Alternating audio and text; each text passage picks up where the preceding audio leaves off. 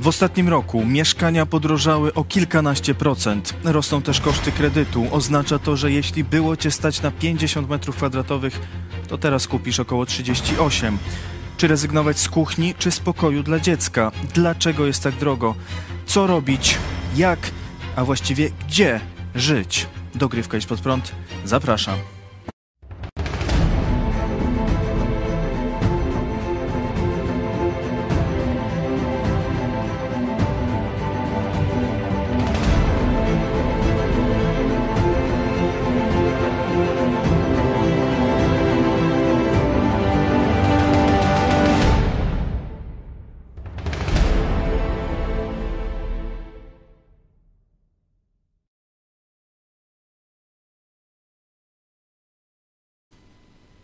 Witam serdecznie w dogrywce Idź pod prąd, Cezary Kłosowicz i łączymy się z Michałem Fałkiem, przedsiębiorcą i dziennikarzem telewizji Idź pod prąd. Dobry wieczór Czarku, dobry wieczór, dobry wieczór drodzy widzowie.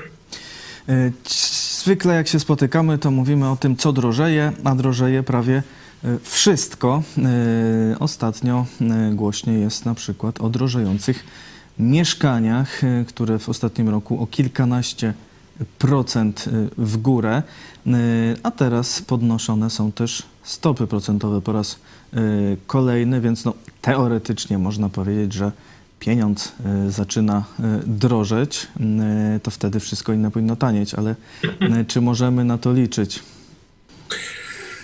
No niestety sytuacja na rynku mieszkaniowym, no bo e, o, o, tym dzisiaj porozmawiamy trochę, e, szczególnie dla tych, którzy chcą kupić mieszkanie, nie dla tych, którzy budują. E, w sensie no, są deweloperami, bo oni, oni w tym momencie nie mają chyba najgorzej, bo, bo sprzedają całe bloki na pniu, ale sytuacja jest taka, że, że mieszkania zdrożały o kilkanaście procent. Jest inflacja, są droższe stopy procentowe, czyli też i kredyt zdrożał.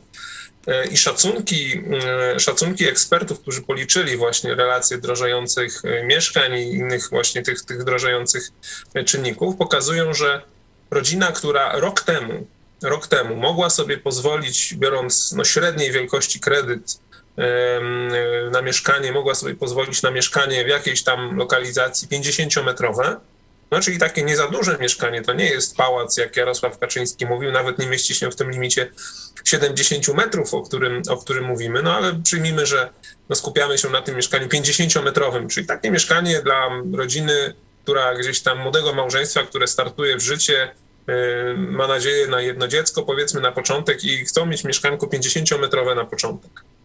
Cóż, okazuje się, że rok czasu minął, a oni w tym momencie za te same pieniądze zakładając, że zarabiają te same pieniądze, czyli że nie mieli podwyżek, mogą kupić mieszkanie o wielkości, uwaga, 38 metrów kwadratowych.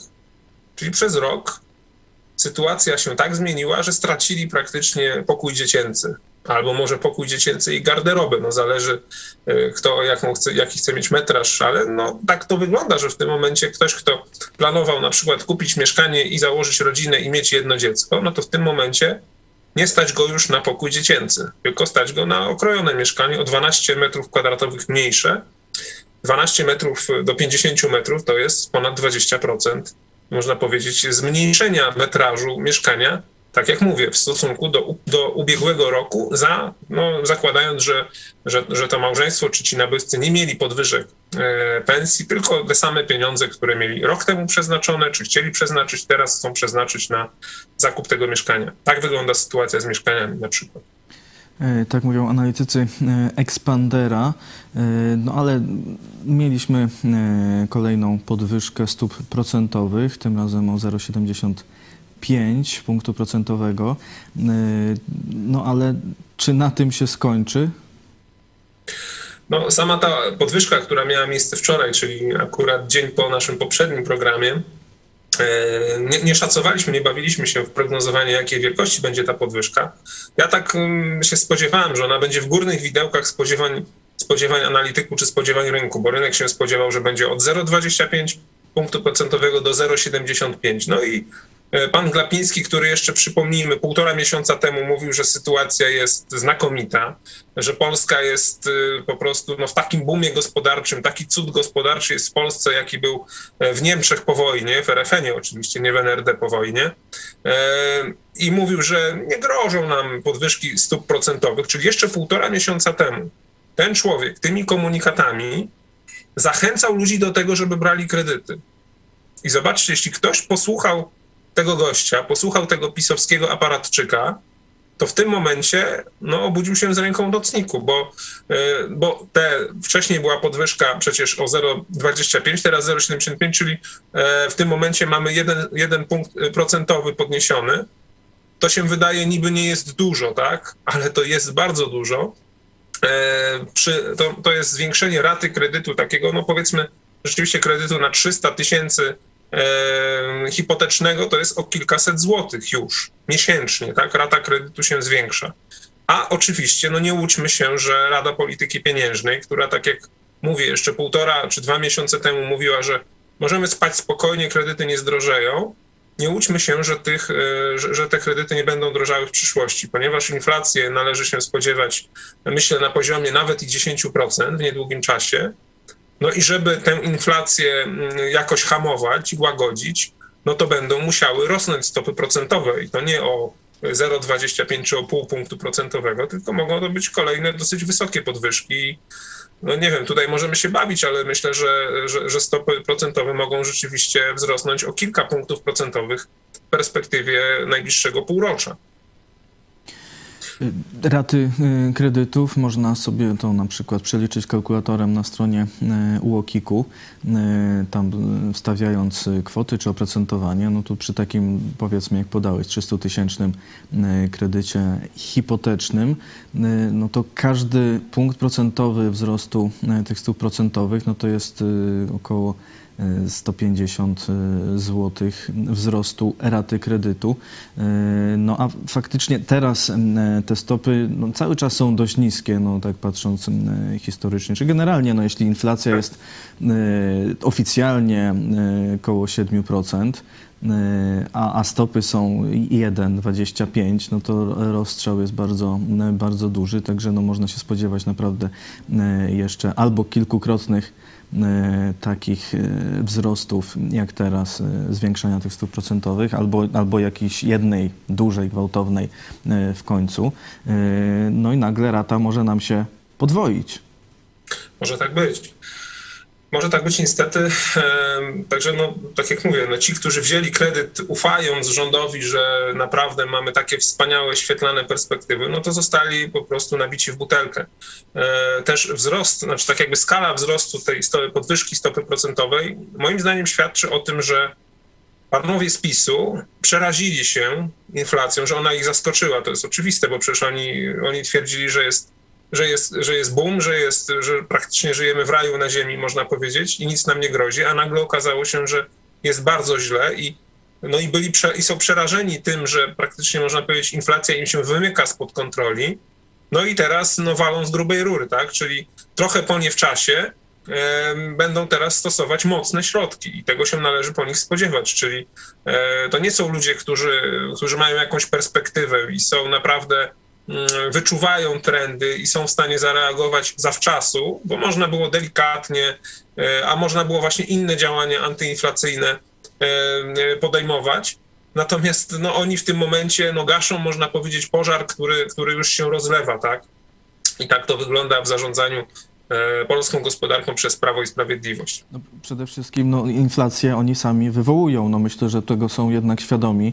E, no, ten pieniądz się nie pojawił sam. E, to, to jest efekt polityki pieniężnej państwowej, no i tej Rady Polityki Pieniężnej. Raz te niskie stopy, ale no tak upraszczając, do druku pieniądza, czy kreowania pieniądza w, ostatnim, e, w ostatnich dwóch latach, no to była, e, nie, nie wiem, nie pamiętam takiej skali. No w 2020 roku podaż pieniądza wzrosła o, 16%. E, Dokładnie. W tym roku jeszcze o kolejne, PKB nie kolejne wzrósł, a PKB nie wzrósł o 16%, bo yy, przepraszam, że się wtrącę. Jeżeli podaż pieniądza wzrasta proporcjonalnie do rozwoju gospodarki, czyli gospodarka rośnie o powiedzmy 5%, no i podaż pieniądza też się zwiększa proporcjonalnie, tak? No, no to to jest logiczne. A jeżeli jest podaż pieniądza dużo większa, o 16%, a wzrost gospodarki jest rzędu 3, powiedzmy procent czy 4, no to znaczy, że ten pieniądz jest dosypywany, tak jak No, powiedziałeś, jest drukowany. trudno w ogóle mówić o wzroście gospodarki, to, to, to. Oczywiście. Yy, Także no, wzrasta nam yy, ilość pieniądza, no to inflacja tego jeszcze nie dogoniła. Także Tak. no, no, można się spodziewać dwucyfrowej inflacji, myślisz? Myślę, że tak. Myślę, że to jest nieuniknione niestety. Tym bardziej, że to no, jest wiele czynników proinflacyjnych. No właśnie ten dodruk pieniądza, o którym mówisz, tak? E, To, że praktycznie jesteśmy w trakcie cały czas no, wojny, no nie ma co ukrywać tego słowa, czy jakoś bać się tego słowa. Jesteśmy w trakcie wojny wschodu z zachodem. No i wschód y, prowadzi wojnę między innymi, y, no właśnie ograniczając y, podaż tutaj nośników energii. Mówimy tutaj oczywiście o, o, gazie z Rosji i o różnym szan, o szantażu gazowym po to, żeby wymusić z kolei mm, uruchomienie jak najszybsze Nord Streamu drugiego. No to są przecież działania Kremla, które powodują wzrost znaczny e, cen nośników energii, cen gazu, a z kolei do tych cen są, e, są przecież e, liczone inne, inne pochodne ceny gazu, też właśnie pochodne innych nośników energii i to się, to się przekłada na, na generalnie na wielką drożyznę, która jest, która nas czeka, o której się mówi, że będzie jeszcze gorzej. No rząd wymyśla przeróżne, planuje przeróżne rekompensaty dla tych, którzy będą w ubóstwie energetycznym, a jak okaże się, że w ubóstwie energetycznym jest 60 czy 70% Polaków, no to co, to da wszystkim? No jak da wszystkim, no to znowu będzie musiał albo zabrać wszystkim, czyli to jest bez sensu, albo wydrukować pieniądze, a wydrukowanie kolejnych pieniędzy wszystkim. no znowu zabiorą wszystkim. Można jeszcze też powiedzieć, co to jest inflacja. Nie? To jest bardzo ciekawe, żebyście, e, drodzy widzowie, zastanowili się, co to znaczy na przykład 10% inflacja. To znaczy, że jeśli macie odłożone na kupce, e, żeby łatwo było zrozumieć, powiedzmy 1000 zł, macie odłożone na kupce 1000 zł i idziecie e, i trzymacie ten 1000 zł w szufladzie przez rok, tak? I idziecie za rok, ten 1000 zł, no chcecie w końcu na coś wydać. No to on dalej jest tysiącem złotych, no bo on nie zmienił. Inflacja nie zeżarła 10% z tego tysiąca, czyli nie jest tak, że nagle mieliście 1000, a macie 900. Nie, dalej macie 1000, czyli wydaje się, że wszystko jest ok. Tylko, że za ten 1000 za rok będziecie mogli kupić tyle, ile dzisiaj kupicie tam za 900, około 10 zł, tak? Bo te 910 dzisiejsze plus 10% do nich dodane, to da nam za rok 1000. Czyli w tym momencie obniża się wartość nabywcza naszych pieniędzy. Możemy te pieniądze mieć w szufladzie. Wydaje nam się, że ich nie mamy mniej, tylko że mniej za nie możemy kupić. I na tym polega inflacja, że y, czy pracujesz, czy nie pracujesz, czy jesteś na emeryturze, czy śpisz, czy odpoczywasz, to inflacja ci zżera twój majątek. Czyli twój majątek się pomniejsza, mimo iż nominalnie cały czas jest, jest go tyle samo. Ale wartość nabywcza twojego majątku jest coraz mniejsza. Na tym polega inflacja, że to jest tak, można być cichy, niewidoczny złodziej twoich pieniędzy. A korzysta na tym, y, można powiedzieć, y, rząd czy budżet, bo oni jako pierwsi te dodatkowe y, pieniądze wydają, kiedy one jeszcze są warte więcej, kiedy one już zaczną krążyć w gospodarce, no to faktycznie tracą wartość, no bo jest ich coraz więcej, tak jak im więcej jest jakiegoś, jakiegokolwiek towaru, no to on się staje tańszy, a tutaj tańszy staje się pieniądz, więc mniej za niego y, można y, kupić. Dlatego może też lubią, lubią rządzący i inflację, no ale kiedy ona się staje tak duża, no to cała gospodarka na tym cierpi i, i, w końcu wszyscy mogą stracić. Zobaczmy, jak o przyczynach inflacji mówi ekspert XTB Przemysław Kwiecień. Dużo rozegra się w najbliższych miesiącach z tego względu, że czekają nas podwyżki.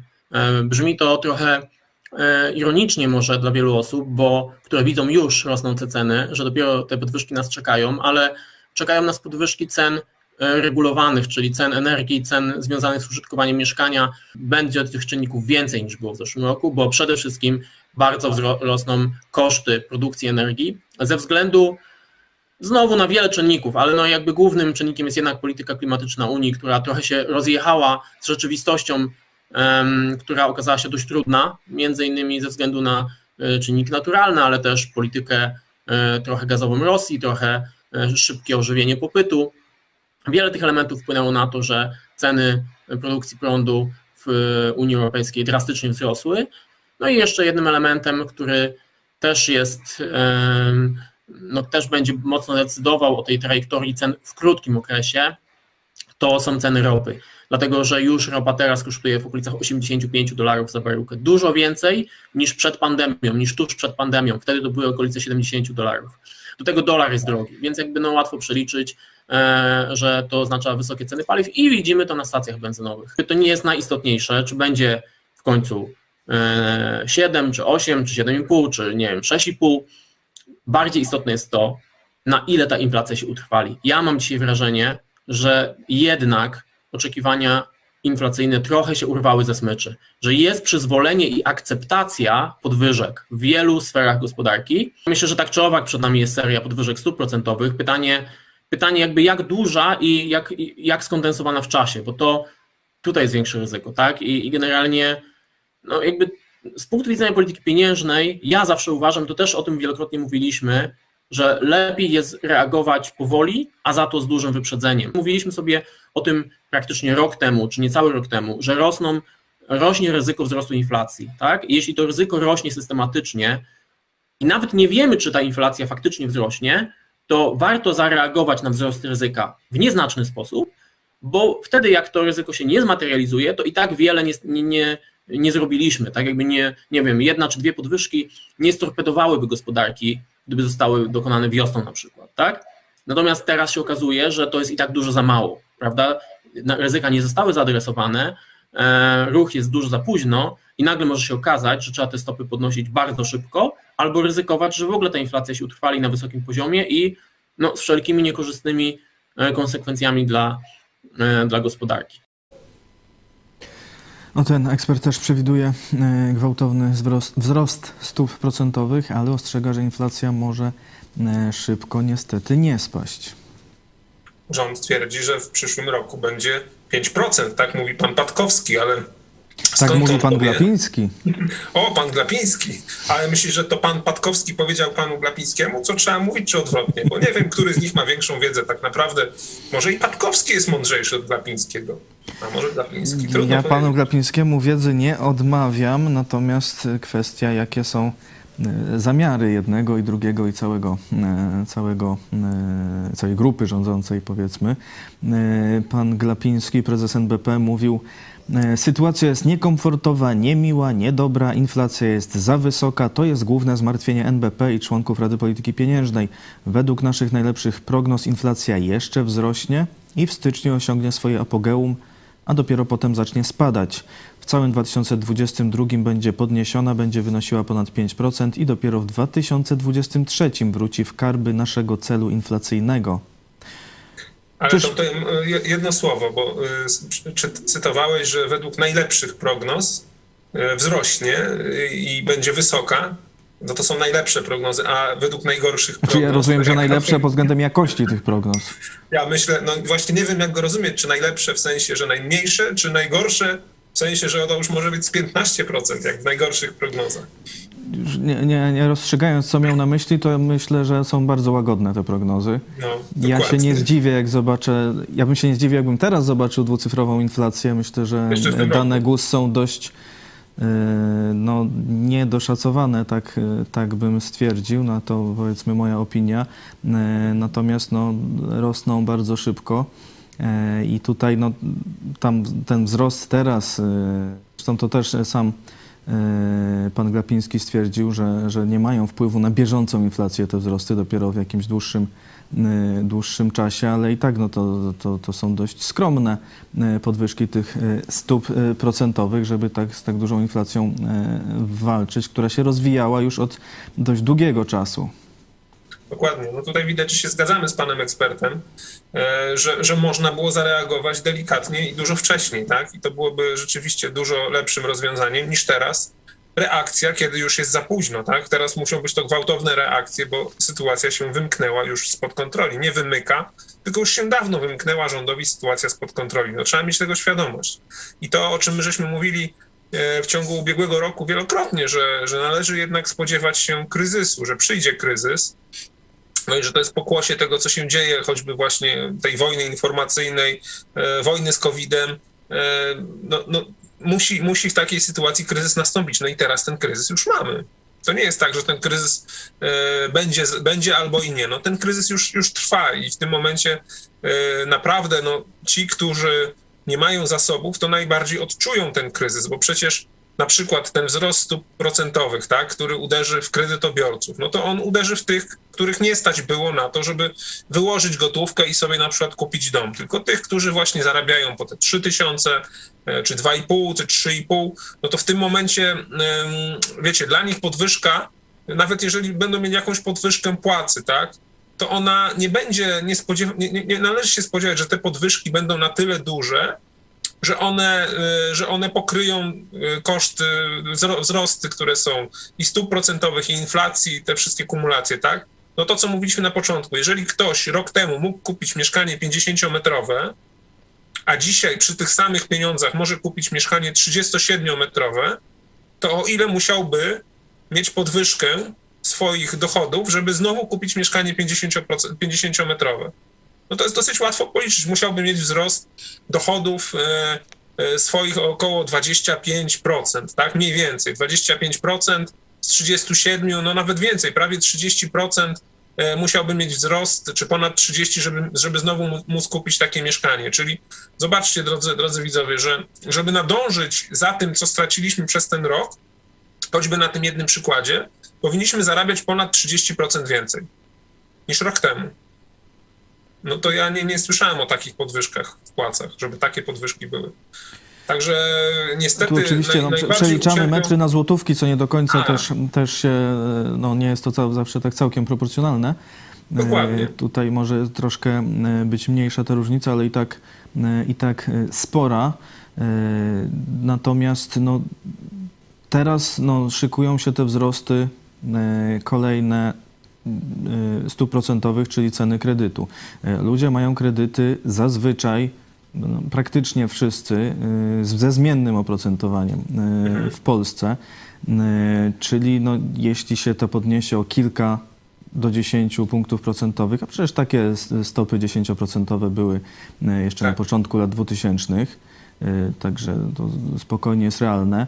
Raty kredytów są praktycznie dwa razy większe wtedy. No to będzie już ze wszystkimi, tak jak kiedyś z Frankowiczami. Mhm. Znaczy z wszystkimi, którzy mają kredyty, no bo to tak, tak oczywiście tak, tak, jak ktoś ma lokaty, no to może się powiedzmy umiarkowanie cieszyć.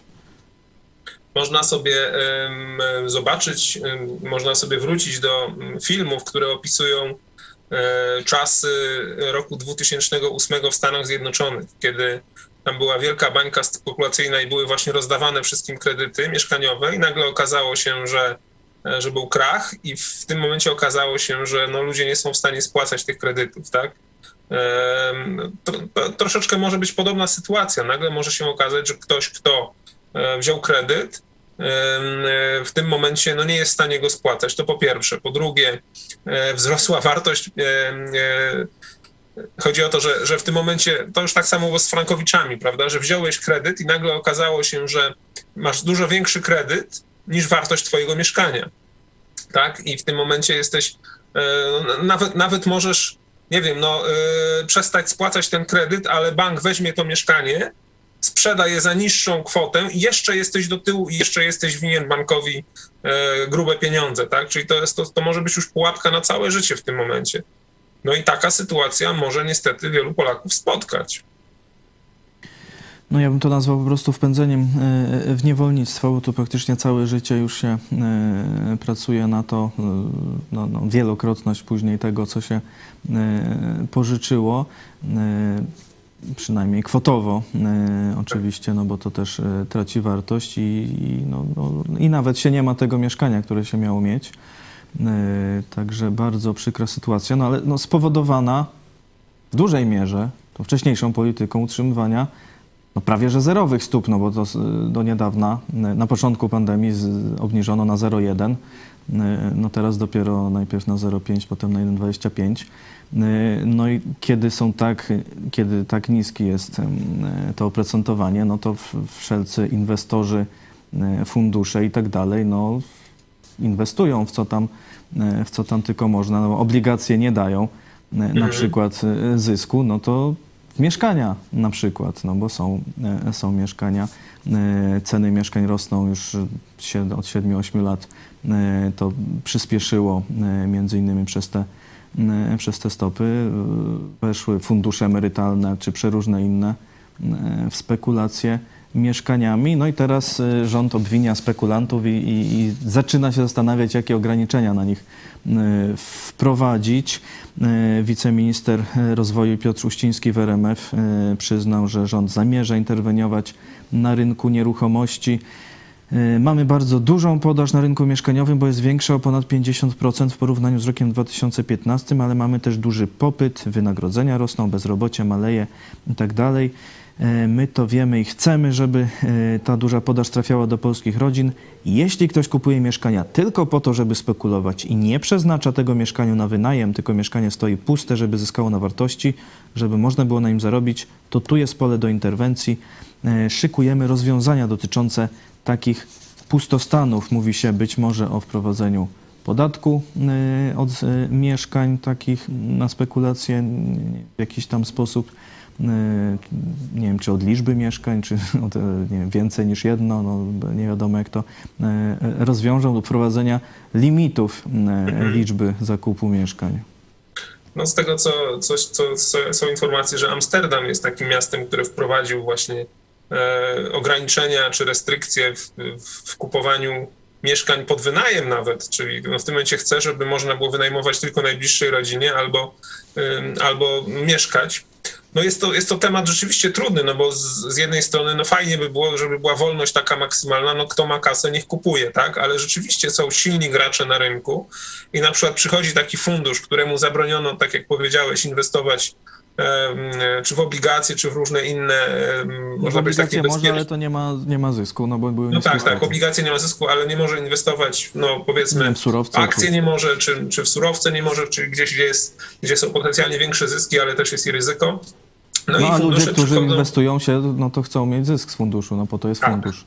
Dokładnie. No a przychodzi fundusz i kupuje na pniu na przykład cały blok albo całe dwa bloki, tak? No i w tym momencie, jak ktoś drobny sobie tam, e, drobny człowiek, czy no taki prywatna osoba chce sobie kupić mieszkanie, no to jest na straconej pozycji, bo e, deweloper nie jest zainteresowany sprzedażą mu mieszkania, bo deweloper woli sprzedać nawet taniej, ale większą, czy wszystkie mieszkania, które buduje i mieć od razu zapewnione finansowanie i też zysk zrealizowany. No taki fundusz e... też to finansowanie sobie może troszkę taniej e, załatwić niż pojedynczy Dokładnie. człowiek. Tak, ale w jakim kierunku to zmierzamy? Też już wielokrotnie mówiliśmy w, naszym, w naszej telewizji, że e, no, no, to wygląda na to, że mm, rzeczywiście świat w tym kierunku zmierza, że zwykli ludzie, o tacy zwykli zjadacze chleba, mają stać się niewolnikami zapieprzającymi za miskę ryżu, tak? Czyli jest, jest mowa też czasami o tym pokoleniu tysiąca euro w Europie. Ludzi, którzy mają, e, zarabiają tyle, no, żeby przeżyć, żeby mieć na rozrywkę, e, żeby mieć na jakieś takie w miarę spokojne życie, ale, ale, tutaj ważne, ale nie stać ich na to, żeby być właścicielami, tak? Czyli oni samochód kupują w leasingu, nie są właścicielami tego samochodu. Na mieszkanie ich nie stać, czyli mieszkanie wynajmą od funduszu, który kupił 100 mieszkań i je wynajmuje, tak? No i w tym momencie możemy rzeczywiście być świadkiem tego, że to młode pokolenie, o którym mówimy, właśnie, które jeszcze może rok temu by było stać na mieszkanie 50-metrowe, dzisiaj już stać je na mieszkanie bez jednego pokoju y, dziecinnego, a za rok być może będzie stać y, takie młode małżeństwo tylko na E, pato, e, pato deweloperkę, tak? czyli na mieszkanie powiedzmy 15 czy 20 metrowe. Może jeszcze tak za rok źle nie będzie, ale no w jakiejś perspektywie kilku lat mogłoby tak być. Chodzi o to, że ci młodzi ludzie no, będą takimi niewolnikami, bez swojego samochodu, bez swojego mieszkania, bez e, wszystko pożyczone i wszystko na kredyt, i wszystko z długim terminem spłaty, tak? Czyli w tym momencie taki człowiek jest bezwolny, bo taki człowiek się nie postawi żadnemu rządowi bo jest po prostu no, niewolnikiem tych kredytów, które wziął, żeby starać się, czy żeby mieć jakąś szansę na w miarę godne życie.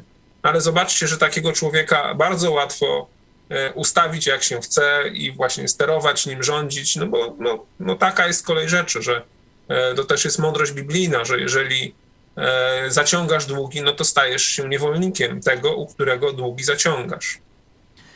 Czy coś można poradzić w takiej sytuacji? Co robić? Jak żyć? Czy gdzie Jak żyć? żyć?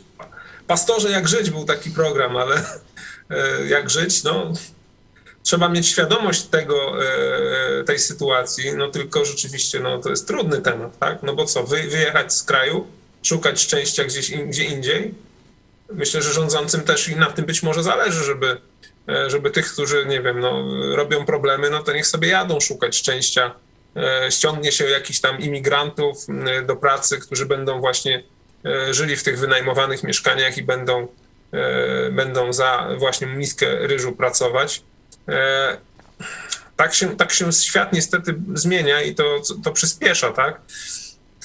Ja myślę, że trzeba na pewno zastanowić się, do czego to prowadzi, w jakim kierunku i czy tutaj nie ma jakichś takich istotnych konotacji duchowych, tak? Czy nie ma związku e, ze sferą duchową i warto byłoby sprawdzić, mm, czy to nie, e, czy to nie jest już ten model świata, o którym jest mowa w ostatniej księdze Biblii, E, bo jeżeli rzeczywiście dużymi krokami zbliżamy się do czegoś takiego jak, nie wiem, rząd światowy i e, taki świat, gdzie są kryzysy, gdzie ludzie żyją w biedzie, gdzie rzeczywiście jedzenie jest drogie, gdzie są wojny, to może trzeba poważnie się zastanowić nad, e, nad tym, co będzie po, po tak? I, e, I wykupić najlepszą, wykupić, może nie wykupić, e, wziąć za darmo, otrzymać najlepszą polisę ubezpieczeniową nie na życie, tylko na wieczność. Bo jeżeli ktoś już ma zapewnioną polisę ubezpieczeniową na wieczność, którą daje Jezus Chrystus, no to w tym momencie, owszem, te trudy życia na tym świecie może obserwować, może przeżywać, ale one go tak bardzo nie dotykają. Myślę, że to jest chyba najlepsze remedium. I tu ciekawostka, ta polisa jest w pakiecie z mieszkaniem. O, właśnie. No tak, tak, to prawda. W pakiecie z mieszkaniem. W pakiecie z mieszkaniem e, już na e, zawsze. E, Nasi widzowie tu mają podobne przewidywania. Margarita, może chcą nas, nas z naszych spłacanych kredytem mieszkań wywłaszczyć.